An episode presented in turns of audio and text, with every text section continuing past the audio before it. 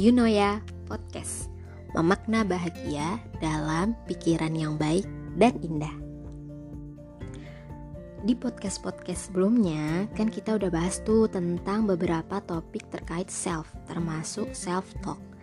Nah, self-talk ini bisa dilakukan kapan pun, termasuk dilakukan di pagi hari setelah bangun tidur atau akan memulai aktivitas.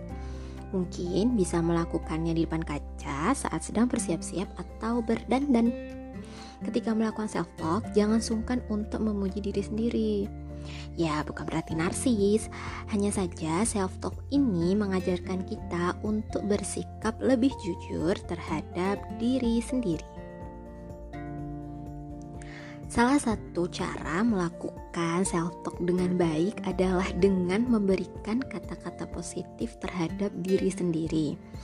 Nah, kalau memang waktu itu kalian merasa baju yang dipakai adalah salah satu baju terbaik yang kalian punya, maka jangan sungkan untuk bilang, Pakaian bagus untuk hari yang bagus. Selamat melakukan kebaikan di hari ini ya, sih. Nah, itu salah satu contohnya ya. Atau minimal kalian mencoba tersenyum semanis mungkin di depan kaca sebelum memulai aktivitas. Kalau diinget-inget nih, sebenarnya dalam satu hari ini kalian lebih sering memberikan pujian atau mengeluh terhadap diri sendiri. Uh, jadi, aku ada salah satu pengalaman nih, pengalaman pribadiku sendiri sih. Jadi suatu ketika aku pernah mengoreksi laporan akhir praktikum beberapa adik kelas di kampus. Nah setelah mereka mengumpulkan laporan tersebut, aku nggak langsung ngasih izin mereka untuk keluar ruangan. Jadi sempet aku tahan gitu. Uh, Maksudnya aku tahan karena aku ingin sedikit bertanya-tanya terkait bagaimana proses praktikum yang selama ini mereka jalani, apa kendalanya, dan lain sebagainya. Endingnya atau di akhir, aku memberikan kesempatan kepada mereka untuk mengucapkan kalimat-kalimat untuk diri sendiri. Waktu itu aku bilangnya gini, e, sekarang aku mau ngasih kesempatan ke kalian untuk berbicara dengan dirimu sendiri. Boleh dalam bentuk pujian atau ucapan terima kasih kepada diri sendiri.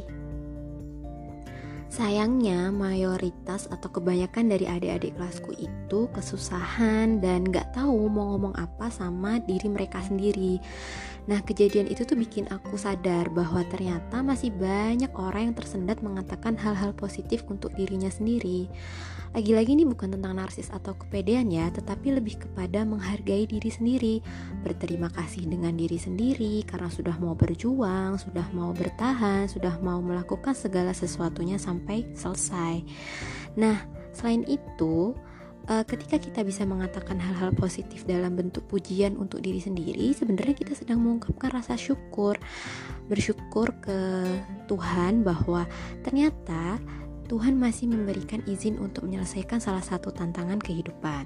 Mensyukuri bahwa ternyata Tuhan masih memberikan kesempatan untuk melanjutkan kehidupan. Nah, orang-orang yang sudah terbiasa memberikan hal-hal positif untuk diri sendiri dalam bentuk pujian atau rasa terima kasih, maka ia akan lebih mudah untuk memberikan pujian dan rasa terima kasih terhadap orang lain.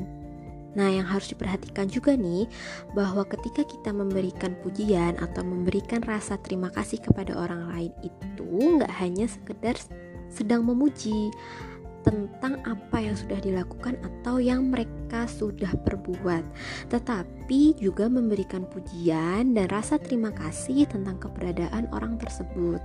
Nah, aku mau ngasih contoh atau istilahnya mau challenge kalian. Coba kalian bandingkan antara kalimat pertama dan kalimat kedua. Enakan mana ya nanti? Kalimat pertama. Hai Zik, aku udah lama gak ketemu kamu. Kamu sehat kan? Seneng loh hari ini aku bisa ketemu kamu. Itu kalimat pertama. Kalimat yang kedua, Halo Zik, kamu kok baru kelihatan sih dari kemarin ke mana aja? Skripsi udah sampai mana? Udah selesai? Nah, coba ya, coba kalian bandingkan enak mana nih antara kalimat pertama dan kalimat kedua. Prolog itu memang perlu dalam sebuah percakapan, tetapi jangan sampai menganggap prolog itu adalah sekedar basa-basi belaka. Berikan seluruh perhatian penuh di setiap kata yang kalian lontarkan.